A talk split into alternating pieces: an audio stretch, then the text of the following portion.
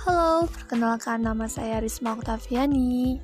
Di sini uh, kalian bisa panggil aku Via atau Vio, gimana enaknya. Untuk malam ini, aku mau sedikit cerita tentang percobaan aku ini untuk membuat podcast. Jadi ini adalah suatu percobaan ya. Okay